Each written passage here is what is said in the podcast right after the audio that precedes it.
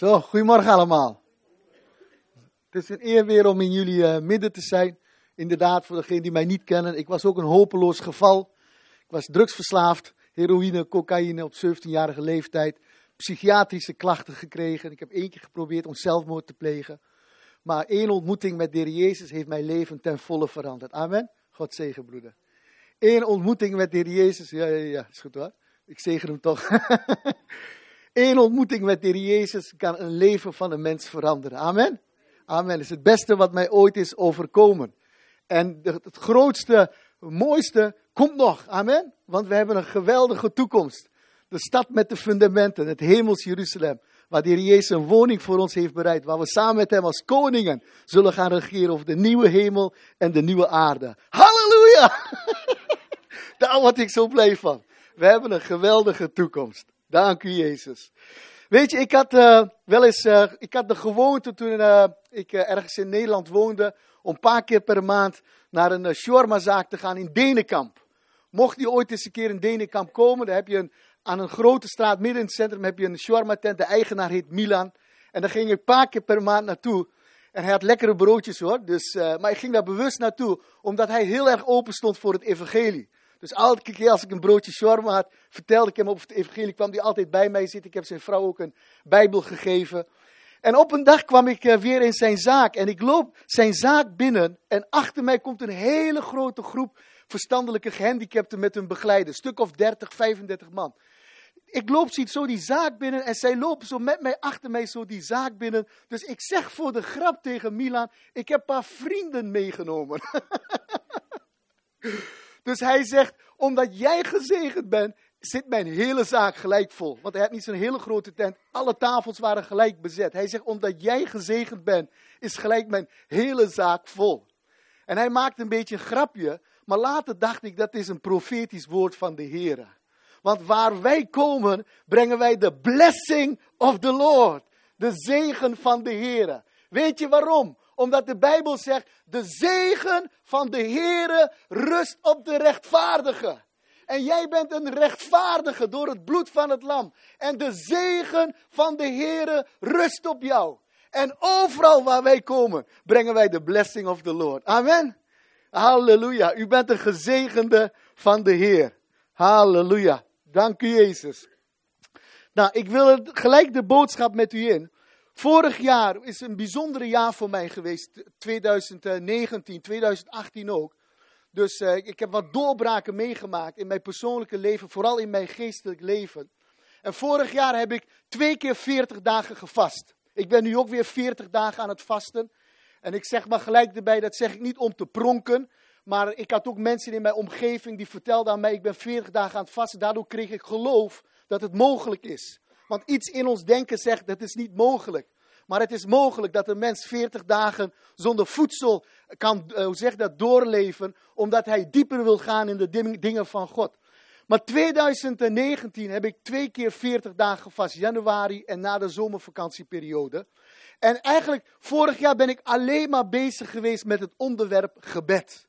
Want er was een diep verlangen in mijn binnenste. Heer, ik wil een diepere relatie met u krijgen. Er moet meer zijn in mijn relatie met God. Wat mij kan verzadigen, waar ik uit kan putten.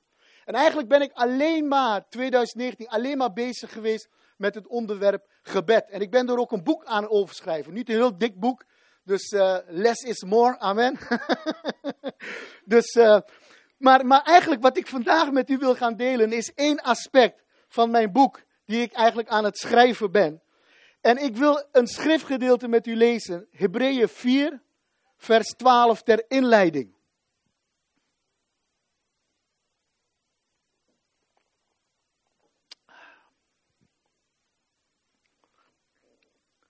Dan zegt de, de schrijver dit. Er is nog steeds discussie wie heeft die boek, boek Hebreeën geschreven. Nou, ik persoonlijk geloof dat het Paulus was. Mag je na vragen waarom ik dat denk. Hebreeën 4, vers 12. Daar staat er, want het woord Gods is levend en krachtig en scherper dan enig tweesnijdend zwaard. En het dringt door zo diep dat het van een scheidt ziel en geest, gewricht en merg, en het schift overleggingen en gedachten van het hart. Dus de schrijver zegt hier, het woord van God is levend, krachtig en scherper dan enig tweesnijdend zwaard. En dan noemt hij drie dingen wat het woord van God doet. Dat is eigenlijk een preek op zich, heb ik een andere boodschap over. Maar hij noemt hier drie dingen. Hij zegt het dringt door. Twee, het scheidt van één. En drie, en het schift. Met andere woorden, het woord van God heeft kracht in zich om enorme, geweldige, krachtige dingen voor ons te bewerken. Dan gaan we een andere schriftgedeelte lezen en in verband met de tijd haal ik daar twee teksten uit. Efeze 6, vers 10 tot en met 11 lees ik. U kunt het hier helemaal lezen. Efeze 6, vers 10. Voort, wees krachtig in de Here en in de sterkte zijner macht. Doet de wapenuitrusting Gods aan om te kunnen standhouden tegen de verleidingen van de duivel. En vers 17. En neem de helm des heils aan en het zwaard des geestes. Dat is het woord van God. En bid daarbij met aanhouden, bidden en smeken bij elke gelegenheid in de geest. Tot zover. Nou, de dag dat wij een keuze maakten voor de Heer Jezus, de dag dat wij een vriend werden van God, werden wij automatisch een vijand van de duivel. Hoef je niks voor te doen. dat gaat vanzelf. Als je een vriend van God bent, dan word je een vijand van de duivel. En omdat je een vijand bent van de duivel, word je ook een, hoe zeg je dat, de doelwit, het mikpunt voor de aanvallen van de vijand. Vandaar dat Paulus hier zegt dat de vijand, de duivel, schiet brandende pijlen op ons af. En we moeten beseffen, we hebben te maken met een vijand. Heel vaak leven christenen net alsof er geen vijand is. Nee, er is een vijand. Vandaar dat de Bijbel zegt, wees nuchter en waakzaam. We hebben met een vijand te maken. En onze vijand is niet zomaar een vijand. Het is een hele sluwe, hele gemene, maar ook een hele professionele vijand. En waarom zeg ik een professionele vijand? Dat zeg ik omdat hij heeft 6000 jaar menskunde bestudeerd. Hij heeft 6000 jaar psychologie bestudeerd. Hij weet de zwakke kanten van de mens. Hij weet de sterke kanten van de mens. Hij weet de karaktertrekken van de mens. Vroeger had je wel eens, ik weet niet of dat nu nog is hoor, dat als je bij de dokter dan kreeg je zo'n uh, zo'n hamertje en dan ging je knie toch van reflex, toch? De duivel weet dat ook. Hij weet, als ik hierop aanval, zullen ze zo gaan reageren. Als ik dit doe, dan zal ik deze reactie krijgen. We hebben te maken met een hele professionele vijand, Satan, de duivel. En we lezen dat ook hier. Paulus gebruikt een bepaalde woord als hij zegt: neem de wapenuitrusting van God aan om te kunnen standhouden tegen de verleidingen van de duivel. Statenvertaling zegt om stand te houden tegen de listige omleidingen van de duivel. En dan gebruikt Paulus daar een woord in het Grieks. Dat is methodia. Methodia. En daar komt onze woordje methode vandaan en onze woordje methodiek vandaan. Met andere woorden, de duivel gaat methodisch te werk als hij christenen of als hij mensenlevens aanvalt.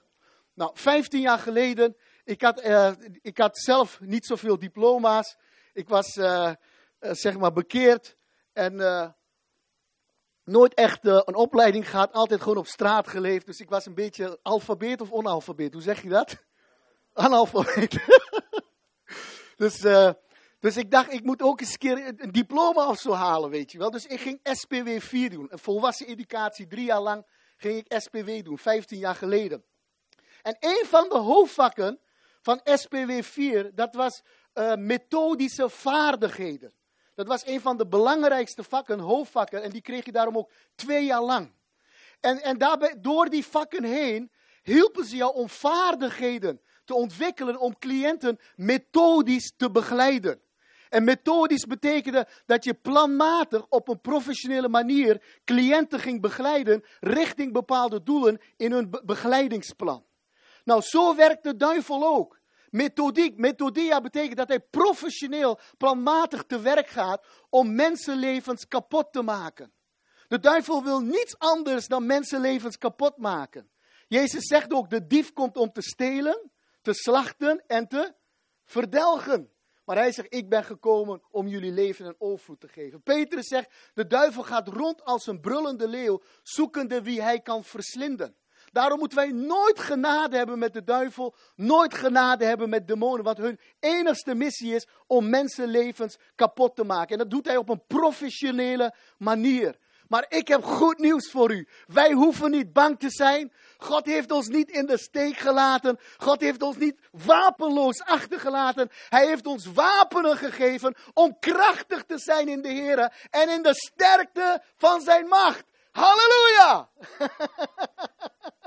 Halleluja! De Heer heeft ons wapens gegeven om weerstand te bieden in de boze dag. Om staande te blijven en alle aanvallen van de duivel te overwinnen. Heeft de Heer ons wapens voor gegeven. Halleluja's. Want zijn wil is niet dat we door nederlaag heen, door het leven heen gaan. Hij wil dat we als een overwinnaar door het leven heen gaan. Hij heeft ons niet bestemd om de staart te zijn. Hij heeft ons bestemd om het hoofd te zijn. Wij zijn meer dan overwinnaars door Hem die ons heeft liefgehad. En u bent die overwinnaar. u bent die overwinnaar. Zeg dat maar tegen je buurman, buurvrouw. Jij bent die overwinnaar. Halleluja's. Halleluja. Dank u, Jezus. Even kijken, waar was ik gebleven? Jullie leiden mij af. Even kijken. Ja, hij heeft ons wapenen gegeven. Maar wat zijn nou die wapenen? Nou, Paulus spreekt dat hier, u kunt dat zelf lezen. Hij spreekt over de helm des heils. Het hel van God is onze helm, wat onze gedachtenwereld beschermt. Maar als je dat goed bestudeert vanuit de schriften, eigenlijk betekent het helm des heils. Heil is natuurlijk alles wat Jezus heeft volbracht. Eh, bevrijding, verlossing, genezing. Maar als je dat goed bestudeert, is een boodschap op zich, heb ik ook een boodschap over is een boodschap op zich. De helm des heils is dat je je gedachten treedt om altijd het goede te verwachten van God. Want daar heb jij recht op. Daarvoor is Jezus gestorven. Soms bidden mensen wel eens, dat mag hoor, in die zin. Soms zeggen ze, ik doe de helm des heils op. Maar in een bepaald opzicht doet dat niks voor jou. Want ik kan zeggen, ik doe de helm des heils op, maar nog steeds negatieve gedachten hebben. Ik moet mijn gedachten gaan veranderen, gaan vernieuwen.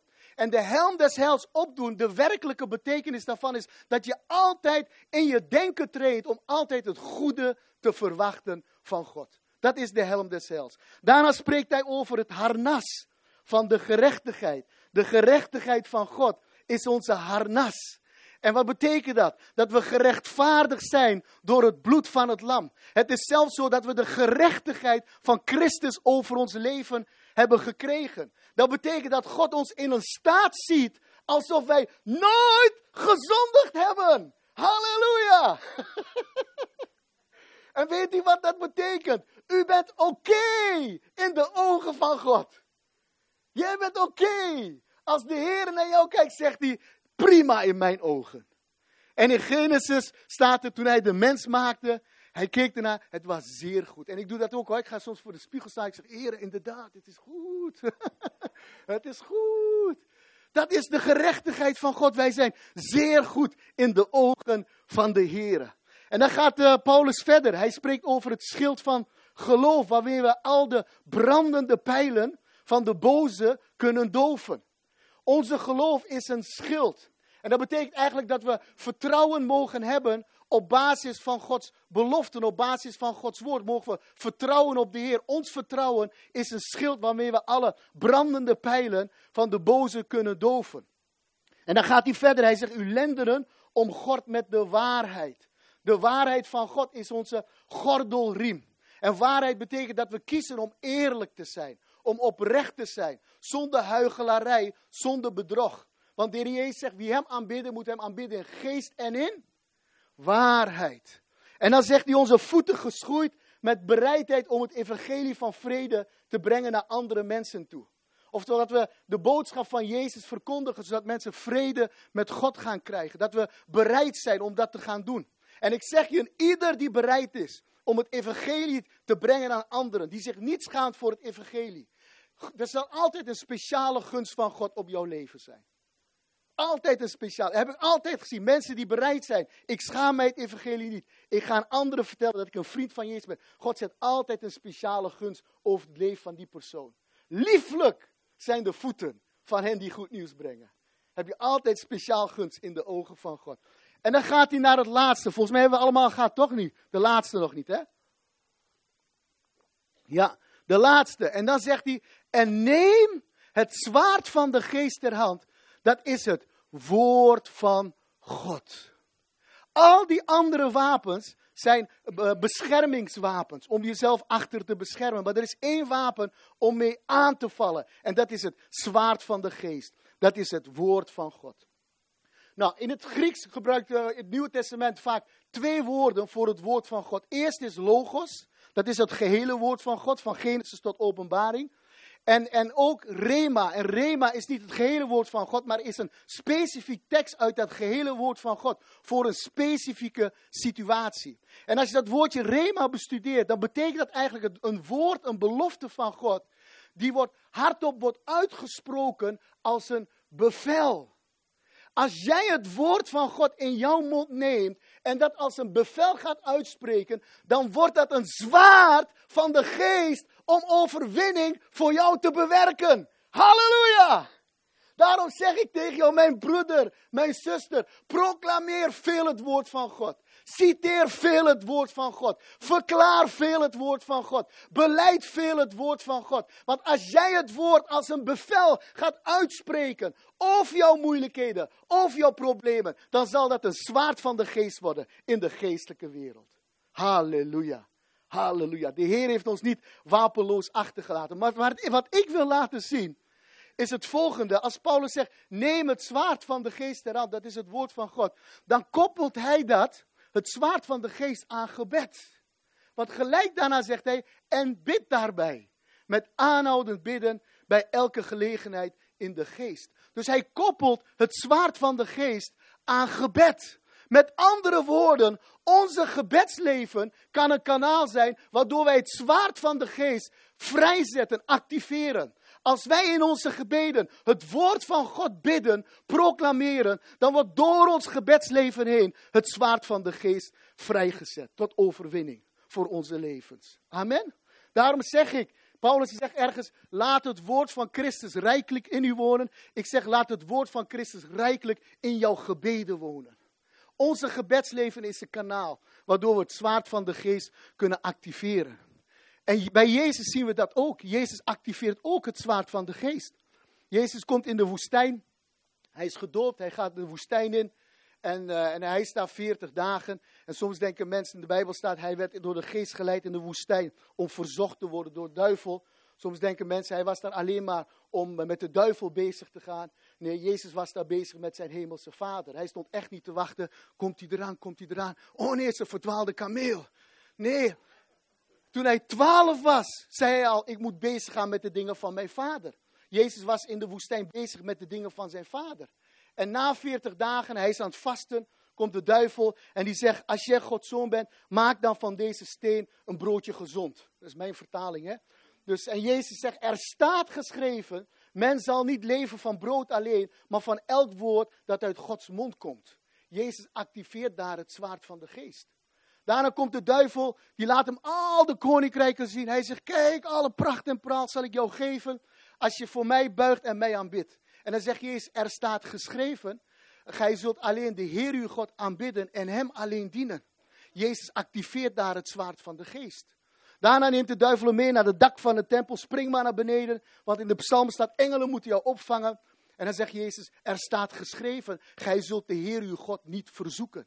Jezus activeert weer het zwaard van de geest. En het is heel interessant. De Bijbel zegt, Jezus is verzocht geweest als ons. Hij is mens geweest. Hij is net als ons verzocht geweest. Jezus wordt hier in de woestijn wordt hij verzocht op elke drie gebieden van zijn mens zijn. Eerste keer op zijn lichaam, hij heeft honger. Tweede keer op zijn ziel. De duivel probeert begeerte op te wekken. Alle pracht en praal van de koninkrijken. En derde keer op zijn geest, want hij komt met een woord uit de psalmen om Jezus te misleiden. Maar Jezus overwint elke aanval. En ik zeg tegen jou, misschien word je aangevallen in jouw lichaam. Zeg, er staat geschreven. En activeer het zwaard van de geest. Misschien word je aangevallen in je ziel. Zeg, er staat geschreven. Activeer het zwaard van de geest. Misschien word je aangevallen in je geest om bezoedeld te worden. De Bijbel spreekt over de bezoedeling des geestes. Zeg, er staat geschreven. Activeer het zwaard van de geest. En ik beloof jou, het zal misschien een tijdje duren, maar de duivel zal moeten wijken. Halleluja! Halleluja! En weet u hoe ik dat weet? Want na die verzoekingen staat er, en de duivel week van hem. En dat woordje week in het Grieks is een heel interessant woord. Dat woordje week betekent de handen lostrekken. Betekent stoppen met kwellen. Betekent vluchten.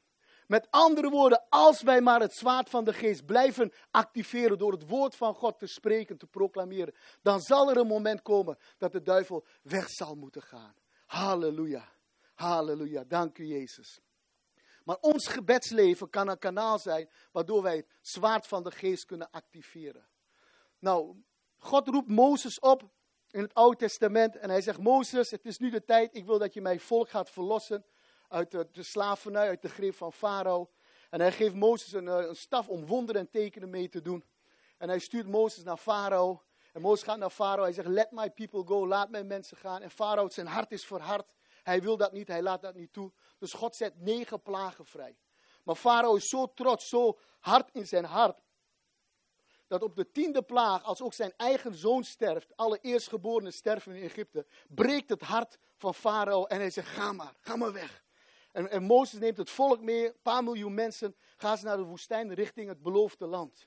En dan komen ze daar aan, aan de rand van de woestijn. Voor hen is de zee. Kijk ze achteren, komt Farao aan. Want Farao had spijt gekregen. Waarom heb ik ze laten gaan? Ik ga ze terugpakken. En Farao kwam met zijn grote legermachten om ze af te maken. En, en, en ze kijken voor in de zee. En ze kijken achter hen. Komt Farao aan met zijn legermachten. En het volk begint bang te worden, te schreeuwen. En ze zeggen tegen Mozes, wat heb je aangedaan? Wat heb je ons aangedaan? We hadden beter in Egypte kunnen sterven. Nu moeten wij hier in de woestijn gaan sterven. En, en, en Mozes werd ook bang. En Mozes begon ook keihard te schreeuwen, staat er. En weet je wat de Heer zei? Dat is heel leuk. Weet je wat de Heer zei? Waarom schreeuw je zo hard? Wat heb je in je hand? Je staf, heft die staf is omhoog. En de zee zal zich gaan splitsen, splitst de zee. En Mozes, die pakte de staf omhoog en, en de zee splitste omhoog. En het volk ging door het droge naar het overkant. En, en het leger van Farao ging erachteraan, maar de golven viel op hen en ze sterven. Het volk was vastgelopen. Het volk was klemgezet door Farao. Ze werden in de rug aangevallen. Maar God had Mozes de oplossing gegeven. De staf in zijn hand. En de Heer heeft jou ook een oplossing gegeven. Dat is het zwaard van de geest. En soms worden wij ook vastgezet, klemgezet door situaties en omstandigheden. Soms zijn we ook vastgelopen in het leven. Soms valt de vijand ons ook aan in onze rug. Maar de Heer heeft jou een oplossing gegeven. Het zwaard van de geest. Verhoog het zwaard van de geest over jouw moeilijkheden en je problemen. Gebruik het woord van God door je gebeden. Proclameer het en beleid het. En je zult zien, God zal boven natuurlijk wegen voor jouw banen. Kunt u daar amen op zeggen? Want hij heeft toch beloofd, hij heeft gezegd, in de wildernis zal ik een weg voor jou banen. In het Nieuwe Testament heeft hij toch beloofd, in de verzoeking zal ik altijd voor een uitkomst zorgen. Als jij het zwaard van de geest omhoog heft, voor als jij het woord van God verhoogt in jouw gebeden en je gaat het woord van God proclameren, God zal een weg voor jou gaan banen. God zal een weg voor jou gaan banen. Weet je, ik ben nu dit jaar ongeveer uh, ja, 21 jaar ben ik getrouwd. En ik heb een oer-Nederlandse vrouw. Komt uit Barneveld. Dus hier dichtbij toch? dus, uh, en we zijn dit jaar uh, eh, 21 jaar getrouwd. En uh, toen wij net, wij zijn vrij snel getrouwd. We, hadden, we leerden elkaar kennen. En binnen een jaar vonden elkaar leuk, zijn we getrouwd. Eerste jaar ging nog. Ja, witte broodsweken, genieten van elkaar, weet je wel. Dus tweede jaar, man, man, man, man, man. De drama begon. Wij waren zo verschillend. Moet je je voorstellen, zij is in een hele rustige, gereformeerde gezin in Barneveld. Is zij opgegroeid. Rust en regelmaat en stilte. Ik ben opgegroeid in een Turks huis. Hele dag de Turkse muziek aan. Ding, ding, ding, ding, ding, ding, ding. Hele dag TRT, Turkse journaal aan. Hele dag door eten. En wij praten niet hè, met elkaar, wij schreeuwen. Als iemand die taal kent, denkt hij, hebben ruzie. Maar wij praten gewoon. En mijn vrouw, zij wilde groenten, ik wilde vlees. Zij wilde aardappels, ik wilde rijst. Zij wilde de muziek zachtjes, ik wilde muziek keihard. Man, man, man, drama. Drama, ruzie en conflicten en oneenigheid. En, en op een gegeven moment komt een heel zachte stem in je oor fluisteren. je, jullie passen niet bij elkaar. Jullie moeten gaan scheiden. Je bent met een trut. Echt, dat dacht ik. Je bent met een trut getrouwd. Je bent met een trut. Het is een heks. Het is een heks. Maar weet je, ik ging mijn gebeden, ging ik niet bouwen op mijn, op mijn frustratie. Ik ging mijn gebeden bouwen op het woord van God. Ik zei, dank u wel heren. U hebt Nikki aan mij gegeven. En zij is een goede gave en volmaakte geschenk. Want alles wat van de Vader der lichten neerdaalt, dat zijn goede gaves en volmaakte geschenken. Ik zei, dank u wel heren. Mijn vrouw zal mij tot zegen zijn. En ik ben nu 21 jaar verder. En ik kan je zeggen, ik heb de meest prachtige vrouw van Nederland getrouwd. Halleluja. Halleluja. Ik denk wel eens een andere vrouw had het echt niet volgehouden met mij. echt. Dus, uh, want zij gaat 9 uur naar bed. Ik ga 9 uur koken s'avonds. Wij eten vier keer per dag, vier keer per dag warm. oh, jongens, jongens, jongens. Ik vind een beetje warm te krijgen door jullie. Jullie maken mij druk. Wat druk van jullie. Dus, uh, maar waar was ik gebleven? Oh ja, Mozes is daar in de woestijn met het volk. En, God heeft iets geweldigs voor het beloofde land. Uh, la, landerijen, huizen die ze niet zelf hebben gebouwd. Land van melk en honing. God wilde ze binnen een paar weken al daar naartoe brengen. Maar ze waren zo rebels. Zo ongelovig. En maar klagen tegen Mozes. En maar mopperen tegen God. En God zei op een gegeven moment, ik ben het zat. Niemand van deze generatie zal het beloofde land ingaan. Ze zullen allemaal sterven, de volgende generatie pas. Dat was ook een voorzorgsmaatregel van God. Want als God het had toegelaten dat zij het beloofde land in zouden gaan, dan zouden ze met hun rebellie en ongehoorzaamheid hun kinderen ook gaan beïnvloeden. En die zouden ook tegen God ingaan. Dus God wilde schoon schip gaan maken. En die hele generatie die sterft daar. En, uh, en God komt tot Joshua en hij zegt, Joshua, ik roep jou om als leider het volk te helpen om het beloofde land in te nemen. En vier keer krijgt Joshua dat woord, wees sterk en moedig. Vrees niet Joshua, wees sterk en moedig. Sidder niet Joshua, wees sterk en moedig. Overal waar jij je voet zet, zal ik je geven, wees sterk en moedig. Zoals ik met Mozes ben geweest, ben ik ook met jou. Wees sterk en moedig. God ging Joshua bemoedigen, had hij ook nodig. Want er was een enorme uitdaging. Ze moesten niet een stad innemen, ze moesten een heel land gaan bezitten. En dan zouden ze legermachten gaan tegenkomen. Ze zouden reuzen gaan tegenkomen. Ze zouden steden tegenkomen met enorme versterkte muren. En theologen zeggen dat die muren waren zo dik van sommige steden, dat ze daar zelfs huizen op hadden gebouwd, op die muren. was een enorme uitdaging. En God gaf hem ook de strategie om te slagen. En de strategie voor Joshua om te slagen, om het beloofde land in te nemen, was niet Joshua, zorg dat je sterke soldaten hebt. De strategie was niet Joshua, zorg dat je een hele grote legermacht hebt. De strategie was niet Joshua, zorg dat je heel veel zwaarden en, en, en paarden en wagens hebt. Nee, de strategie om te slagen voor Joshua was, overpijns mijn woord bij dag en bij nacht. En dan zul je voorspoedig zijn dan zul je op al je wegen je doel bereiken. Een andere vertaling zegt, dan zul je goede succes behalen.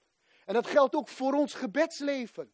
Als wij een succesvol gebedsleven willen hebben, als wij een voorspoedig gebedsleven willen hebben, als wij doeltreffend willen zijn, goede successen willen halen met ons gebedsleven, dan moeten we het woord van of moeten we onze gebeden gaan vullen met het woord van God. En het woordje overpeinzen, het Grieks denken, daar is de Bijbel uit vertaald, maar het Joods, Hebreeuws denken, overpeinzen betekent niet nadenken. Dat betekent hardop uitspreken, proclameren, zelfs uitbrullen, uitschreeuwen. Vandaar dat God tegen Joshua zegt, het mag niet wijken, niet uit jouw denken, maar God zegt, het mag niet wijken uit je mond.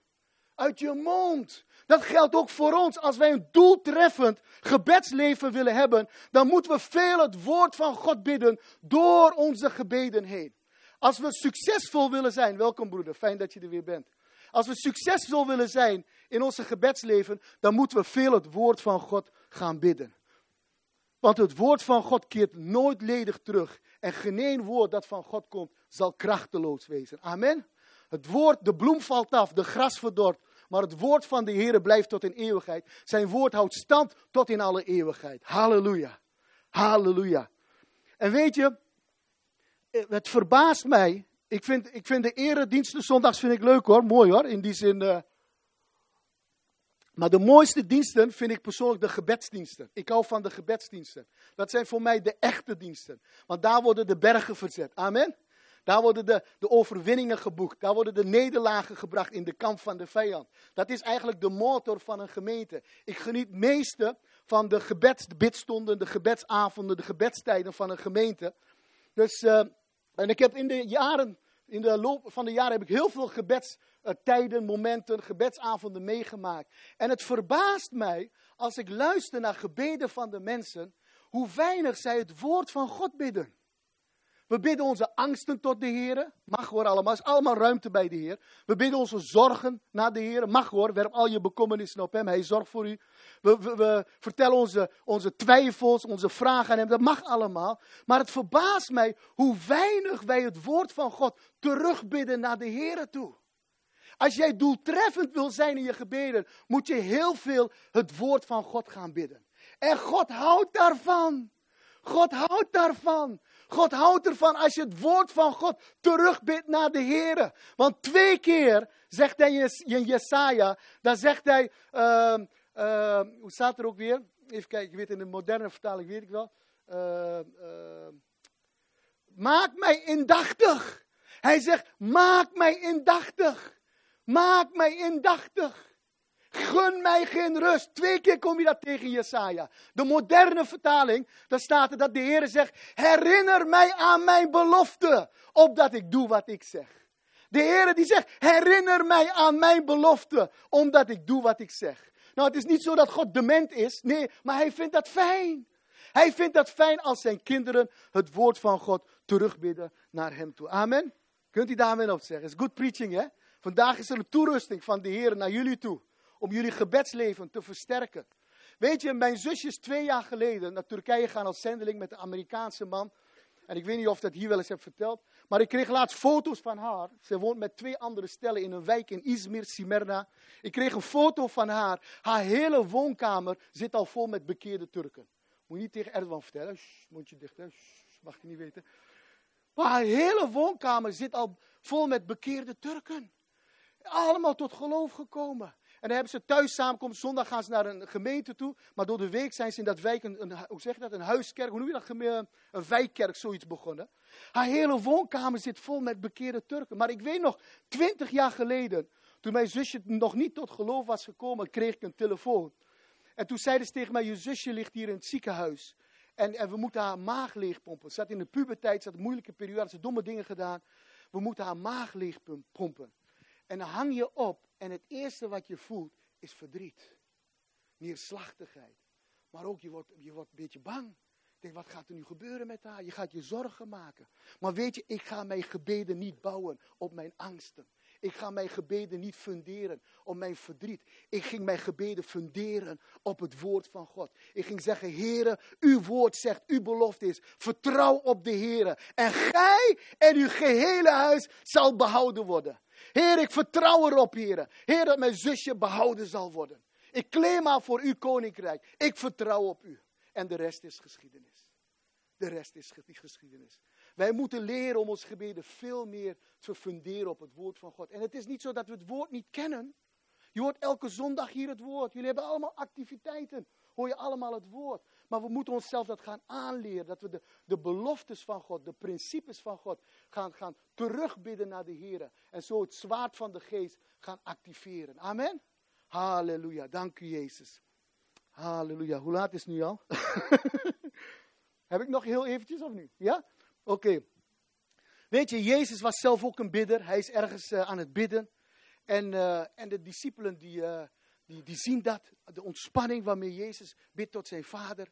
En dan zegt ze, Heere, leer ons bidden. En, en dan geeft de Jezus geeft dan hun het onze Vader. Onze Vader, uw naam is geheilig, we kennen dat, hè. Dus, uh, en daarna geeft, vertelt Jezus twee verhalen om ze iets te leren over gebed. Eerste verhaal, hij zegt dan tegen hun van, jongens, hij zegt, stel je voor, jouw kind komt bij, jou en hij zegt van, papa, mag ik een boterham met pindakaas? Dan ga je hem ook geen uh, steen geven, toch? Hij zegt, stel je voor, jouw kind komt bij jou en hij zegt, papa, mag ik een uh, bakje kibbeling vandaag? Dan ga je hem toch geen slang geven? Hij zegt, stel je voor, je kind komt bij jou en hij zegt van papa mag je, ik zeg het in mijn eigen woorden hoor, papa mag je gebakken eitje, dan ga je hem toch ook geen schorpioen geven. Hij zegt, als jullie slecht zijn, toch weten om goede gaven te geven aan uw kinderen, hoeveel te meer zal de hemelse vader het goede geven aan hen die hem daarom bidden, aan hem vragen. Onze hemelse Vader, wij zijn niet volmaakt in onze ouderschap, maar toch geven wij goede dingen aan onze kinderen. Hoeveel te meer zal de hemelse Vader, die volmaakt is in zijn vaderschap, altijd het goede geven aan zijn kinderen. De hemelse Vader zal altijd het goede geven aan zijn kinderen. Maar de weg om te ontvangen is vragen. Daarom zegt de Heer Jezus daarna, bid. Wees vrijmoedig, bid en u zal gegeven worden. Wij mogen vrijmoedig zijn om dingen te vragen, goede dingen te vragen aan onze hemelse Vader. Daarna vertelt hij het tweede verhaal. Hij zegt, stel je voor, midden in de nacht komt een vriend bij jou op bezoek. En, uh, en je denkt van, nou, ik ga deze man even wat te eten geven. Je kijkt in de vriezer, potverdikke met de pizza's en de bapo's zijn op. En je zegt tegen die vriend, ik ga even bij de buurman, dat is ook een vriend van mij. En ik klop bij, de buurman en je zegt van, heb je wat te eten voor mij? Ik heb bezoek, een vriend bij mij, ik heb niks meer thuis. En Jezus zegt, het kan zijn dat die vriend, omdat hij een vriend van jou is, zou zeggen tegen jou, joh, val me niet lastig. Het is midden in de nacht, man. Iedereen ligt te slapen, alles is op slot. Ga weg, val me niet lastig. Maar de Heer Jezus zegt, als je blijft brutaal doordringen en vragen, dan zal Hij jou zoveel geven als je nodig hebt. En Jezus laat hier eigenlijk twee dingen zien. Eerst is, wij mogen soms brutaal zijn in het vragen van dingen aan de Vader. Waarom? Hij wil heel graag geven. Hij wil jou heel graag zegenen. Hij wil heel graag toevoegen aan jouw leven. Hij is een goede hemelse vader. Hij wil jou heel graag geven. Maar hij wacht dat jij het vraagt. En wij mogen wat vrijmoediger gaan worden om dingen aan hem te vragen. Tweede wat de Jezus laat zien, en deze vind ik zo bijzonder. Jezus zegt, misschien zou hij het jou niet geven omdat hij jouw vriend is. Weet je, onze hemelse vader, onze God is de perfecte vriend de volmaakte vriend. Hij zal nooit tegensputteren. Als jij om goede dingen vraagt, zal hij het jou altijd geven. En de Jezus zegt daarna, bid en u zal gegeven worden. En dan gebruikt de Jezus een woordje bid. Als hij dat staat, staat bid en u zal gegeven worden. Dat woordje bid, dat betekent bidden, vragen, wensen, iets graag willen ontvangen in het Grieks. En dat is hetzelfde woordje die Johannes gebruikt als hij onderwijs geeft over gebed. En dan zie je wat ons vrijmoedigheid geeft om dingen te vragen. Dat staat in 1 Johannes 5, vers 14 en 15. Daar staat er, indien wij iets bidden naar zijn wil. Er staat, dit is de vrijmoedigheid. Indien wij iets bidden naar zijn wil, dat hij ons verhoort. Wat geeft ons vrijmoedigheid om dingen te vragen aan de Heer als wij weten wat zijn wil is? En wat is zijn wil? Zijn wil is zijn woord en zijn woord is zijn wil. Als jij het woord van God gaat bidden, dan bid jij naar de wil van God. En dan heb jij ook vrijmoedigheid om dingen te vragen aan de Heer. Want dan weet je, dit is een gebed die de Heer gaat verhoren. Ik zal de manifestatie zien. Ik zal zien dat het zichtbaar zal worden in mijn leven. Halleluja. Kun je mij nog goed volgen? Is good preaching, hè? Weet je, uh, ik heb tien jaar gewerkt in Utrecht in een bediening. Daar heb ik ook Kees ontmoet. Kwam Kees uh, trainingen geven. Uh, we hebben veel zijn materiaal daar ook gebruikt. Maar ik werkte daar fulltime en mijn vrouw werkte daar parttime in de kerk. En voor ons was de zaak van de Heer was altijd, hoe zeg je dat, meest belangrijke. Kreeg altijd voorrang. Al het andere, onze eigen huisje, boompje, beestje, dat was allemaal bijzaken. Toen gingen we verhuizen vanuit Utrecht naar Twente om een gemeente te stichten. En toen gingen we wonen op Saron, pastoraal centrum Saron, in een dienstwoning. En, uh, en toen was ik ook bezig met de gemeente en op het werk. En toen was ook, joh, mijn eigen huisje, boompje, beestje was niet belangrijk. De zaak van Christus, die gaf ik voorrang. Al het andere had de tweede plaats. Maar er kwam een moment dat wij moesten verhuizen van, uh, vanuit uh, de dienstwoning. En toen had, kreeg ik een verlangen van, heren, ik heb altijd mijn huis opgeofferd voor u. Ik wil nu een eigen huis. Want ik kwam erachter, Salomo bouwde aan de tempel, maar hij bouwde ook aan zijn eigen paleis. Adam en Eva hadden ook een eigen hofje. En ik kreeg een verlangen van, heren, ik wil een eigen hofje. En toen hadden we een bidstond in een wijk, in Hasselres heet dat in Hengelo, bij een broeder en zuster, een gemeentelijke bidstond. Toen baden we voor allerlei zaken. En, en toen, einde van de avond, zei ik van, nu mag iedereen een wens doen. En dan gaan we voor jouw wens bidden. We mogen onze wensen kenbaar maken bij de heren, toch? Dus uh, laat bij alles uw wensen door gebed en smeking bekend worden bij God, toch? Dus, dus iedereen maakte zijn wens bekend en daar gingen we voor bidden. En toen kwam laatste bij mij, zei ze, wat is jouw wens? Ik zei, joh, ik wil een eigen huis hebben. We moeten gaan verhuizen binnenkort. Ik wil graag een huis kopen en ik wil een eigen, huis hebben. Niet dat ik het geld had hoor. De Bijbel zegt koop zonder geld. Amen. dus uh, we hebben een rijke vader. Ik zei, ik wil, ik, wil, ik wil een huis hebben. En toen gingen wij bidden. En ik ging zelf ook bidden. Maar ik ging bidden op grond van het woord van God. Ik zei, Vader, u zegt in uw woord wie huizen, akkers, broers, zussen heeft prijsgegeven voor mij. Die zal vele malen meer ontvangen. Nu en straks in de toekomende eeuw. Ik zeg, Heer, ik heb mijn huis altijd opgeofferd voor u. Ik wil nu een eigen huis. Ik zal honderdvoudig meer terug ontvangen van u. Dank u, Vader. En ik kon toen niet beseffen dat dat uh, vijf meter, waar ik dat bad, vijf meter afstand, anderhalf jaar later een huis zou vrijkomen en dat ik die huis zou gaan kopen. Soms is jouw gebedsverhoring dichterbij dan je denkt. Soms is jouw gebedsverhoring dichterbij dan je denkt. Het kan misschien een half jaar duren, het kan misschien twee jaar duren, het kan misschien vijf jaar duren. Maar als wij blijven staan op de belofte van God, als wij blijven bidden op de belofte van God, dank u Heer. U hebt gezegd Heer en ik dank u al reeds daarvoor. Vroeg of laat zal het manifest gaan worden. Halleluja. En ik ga er nu snel doorheen. We gaan twee teksten lezen ter afsluiting. Dit is zo geweldig. Even kijken. Psalm 103, vers 20. Nou, dit moet u nog even kort horen. Heb ik nog vijf minuten of niet? Ja, mag wel? Vijf minuten. Psalm 103. Loof de Heer, gij zijn engelen, gij krachtige helden die zijn woord volvoert, luisterende naar de klank van zijn woorden. Hier lezen we over engelen, krachtige helden van God. En wat doen zij? Zij, zij vervullen Gods woord. Zij vervullen Gods belofte. Maar wanneer kunnen ze dat doen? Als ze het klank horen van Gods woord. Wist jij dat bij jouw geboorte, toen jij geboren werd, God engelen heeft gekoppeld rondom jouw leven? Wist jij dat je engelen hebt die zijn gekoppeld aan jouw leven om jou te helpen en te dienen? Hoe weten we dat? Omdat Jezus zegt over de kinderen, hun engelen staan voor het aangezicht van mijn vader. Toen Petrus was bevrijd uit de gevangenis en hij ging naar het huis toe waar ze aan het bidden waren, deden ze het luik open, weer dicht. Zei ze, dat is Petrus niet, dat is zijn engel. Lees het maar. Dat is zijn engel. God heeft engelen rondom jouw leven heen geplaatst. En die willen jou helpen. Die willen jou dienen. Maar wanneer kunnen ze jou helpen? Hoe, wanneer kunnen ze jou dienen? Als jij het klank van Gods woord laat horen aan hen. En daarom zeg ik tegen jou, zet jouw engelen in beweging. En het is niet hier hoor, maar er zijn sommige kringen. Er zijn engelen daar rondom levens van mensen. Zitten de hele dag uit hun neus te eten. Ze hebben niks te doen. Ze hebben niks te doen, ze vervelen zich. Wij moeten onze engelen aan het werk zetten. Want het zijn dienende geesten, diaconiegeesten. Zij willen jou helpen om Gods belofte in vervulling te brengen. En hoe kunnen ze dat doen? Als zij het klank horen van Gods woord uit mond. En daarom zeg ik tegen jou, bid veel het woord van God door jouw gebeden. En laatste tekst, Jacobus 5, vers 16. Dat zegt uh, Jacobus, hij zegt, het gebed van een rechtvaardige vermag veel.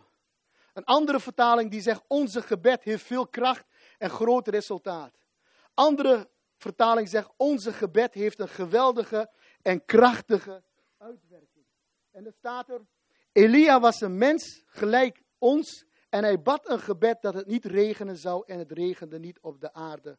En in drie jaar en zes maanden. En hij bad wederom en de hemel gaf regen en de aarde bracht haar vrucht voort. Elia was een mens als wij. En ik heb goed nieuws voor u. U bent meer dan Elia.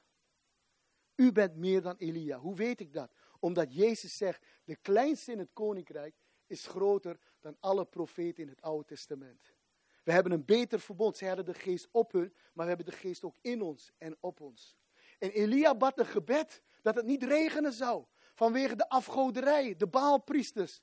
En hij bad weer een gebed, staat er, toen het volk zich had bekeerd tot de Here. Toen er was afgerekend op de berg Karmel met de baalpriesters. Toen het volk zich had bekeerd, bad hij weer een gebed. En de hemel gaf regen en de aarde bracht vrucht voort.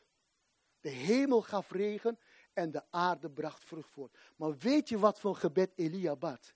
Elia bad uit Deuteronomium 11. Want in Deuteronomium 11 stond er dat God zei, als jullie de afgoden achterna gaan lopen, zal ik de hemel sluiten en er zal hongersnood zijn. En de Heer zei in Deuteronomium 11 ook, als jullie je bekering en mijn geboden onderhouden, zal ik de hemel weer openen en zal er weer regen zijn. En Elia was de bewaker van Gods verbond, de wetten van God. En toen ze Gods verbond verbraken, zei, de, zei Elia op grond van Deuteronomium 11, Heren, ze hebben uw wetten verbond verbroken, sluit de hemel. En de hemel sloot zich. Maar daarna bad hij een gebed toen ze zich bekeerd hadden. En dan staat er, en de hemel gaf regen en de aarde bracht vrucht voort. En ik zeg tegen jou, als jij gaat bidden op grond van de beloftes van God, de hemel zal geven en de aarde zal voortbrengen. Als jij gaat bidden op het woord van God, de hemel zal geven en de aarde zal voortbrengen. Halleluja. U kunt gaan staan als we gaan staan. Als u kunt gaan staan. Dan ga ik even een gebed bidden.